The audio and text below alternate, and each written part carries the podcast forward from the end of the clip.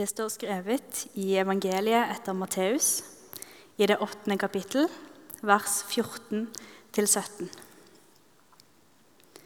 Jesus kom hjem til Peter og så at svigermoren hans lå til sengs med feber. Han rørte ved hånden hennes, og feberen slapp henne. Hun sto opp og stelte for ham. Da det ble kveld, brakte de til ham mange som hadde onde ånder. Han drev åndene ut med ett ord og helbredet alle som var syke. Slik skulle det ordet oppfylles som var talt gjennom profeten Jesaja. Han tok bort våre plager og bar våre sykdommer. Slik lyder det hellige evangelium. Jeg tror ikke jeg trenger å minne dere på eller minne oss på hva slags situasjon vi står i i dag med tanke på sykdom. Vi har nå erfart og lært det at man skal holde en meter avstand. Man skal ikke håndhilse på nye mennesker. Og man skal ikke klemme eller ta på de andre som man ikke bor sammen med. Gjør man dette, så kan man risikere å bli syk og smitta. I dag så er kanskje ikke feber den mest alvorlige sykdommen. Den har kanskje blitt litt mer alvorlig nå med tanke på korona. Så kanskje kan man forstå litt hvordan det er med Peters svigermor. For for to, 2000 år siden så var feber nemlig veldig kritisk. En annen ting som òg er likt mellom i dag og for 2000 år siden, det er dette med avstand fra sykdom. Man skulle ikke være i nærheten av de som var syke, for da kunne man bli urein. Og hvis man var syk, så ble man òg sett på som urein. Det handler litt om det at man ikke Altså Hvis man er urein, så kan man ikke gå til tempelet og være med Gud, f.eks. Da må man gjennom en masse sånn renselsesritualer for å på en måte være god nok, eller for å komme til tempelet. Noe av det vi ser i teksten, er at Jesus tar på hånda til svigermoren, og feberen slipper. Hun blir frisk. Etter alle spilleregler i sånn kulturen var da, så skulle Jesus ha blitt urein. Alt annet var helt ulogisk. Og så ser vi nettopp det, at det er det ulogiske som skjer. Det er ikke sånn at Jesus blir urein eller syk men det er svigermora som blir frisk. Ved Jesu berøring så blir man altså gjort ren, og man blir gjort frisk. Og Teksten vår nevner ordet helbredelse. Og Det er kanskje et litt vanskelig ord å forholde seg til. Og Jeg vet ikke om mirakler er så mye lettere, men kanskje forstår vi det litt bedre. Men dette med helbredelse og mirakler er vanskelig i vår vår kultur og vårt moderne samfunn å forholde seg til. Det er kanskje vanskelig å snakke om det, og det er kanskje vanskelig å forstå. Så det jeg har tenkt jeg skal gjøre nå, skal prøve å se på to ting, eller to aspekt eh, ved denne fortellingen med helbredelse og mirakler som kan være aktuell for oss i dag. Og Den første tingen er dette med at Jesus berører den syke, og den andre blir frisk. Dette er ikke første fortellingen, eller den eneste fortellingen man ser at Jesus helbreder ved å ta på noen, eller med fysisk berørelse. Men utfordringen er jo den at Jesus er jo ikke her med oss i dag rent fysisk. Vi kan ikke gå til Jesus og liksom ta på han og så bli frisk. Ehm, men det som jeg begynner å tenke på da, i den forbindelse, er et fastledd som man har i gudstjenesten, som vi òg skal ha i dag og det er nattverden. Nattverden er et måltid der presten sier dette er Jesu kropp, dette er Jesu blod. På den måten så blir det en helt rent fysisk tilstedeværelse i nattverden som gjør at når vi mottar nattverden, så er det ikke sånn at nattverden og Jesu kropp blir gjort urein hvis vi har tanker og ting som vi gjør som ikke, ting vi gjør som vi ikke burde gjøre, eller ting vi ikke gjør som vi burde ha gjort.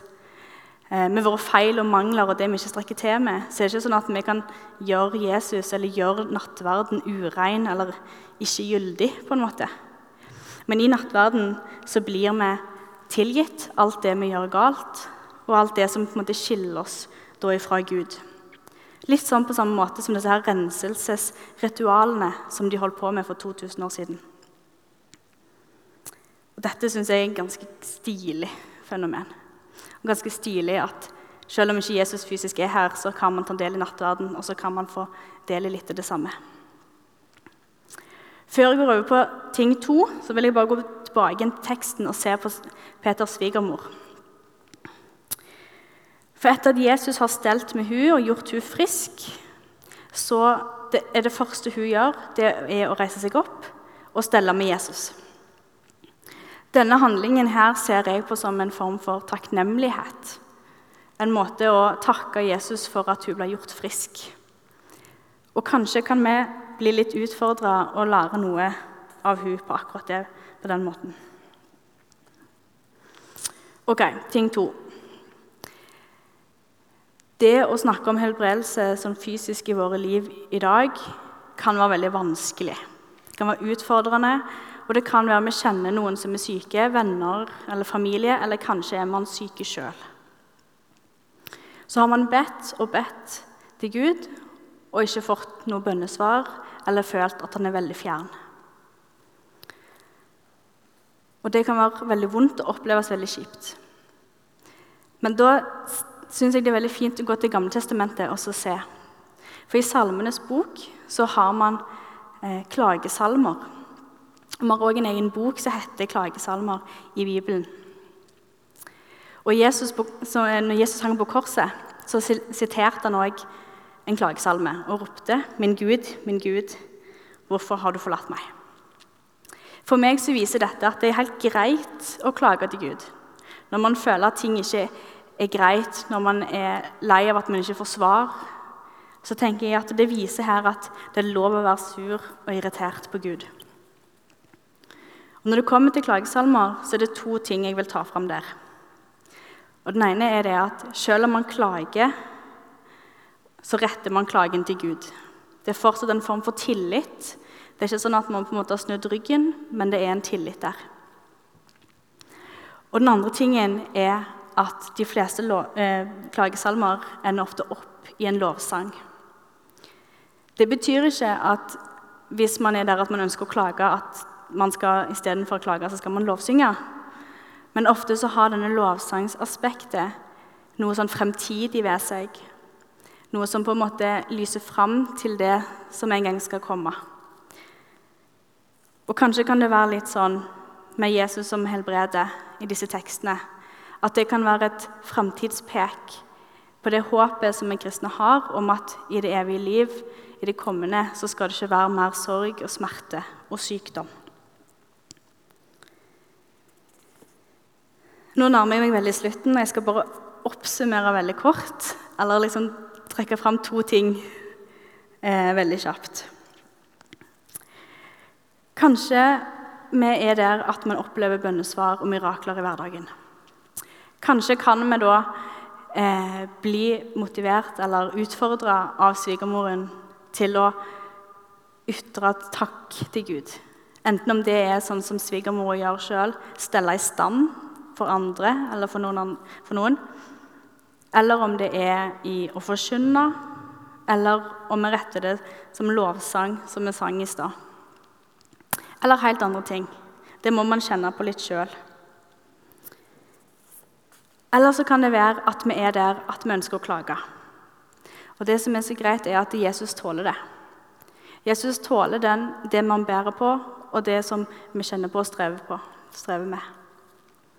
Jesus tåler det. det er ikke han, som, han blir ikke urein av det som vi bærer på, men, men vi kan bli gjort reine. Så kanskje er det sånn som vi leste helt til slutten av bibelteksten, at Jesus bærer våre synder og våre plager, at vi ikke går alene i det livet og i den situasjonen vi er i i dag.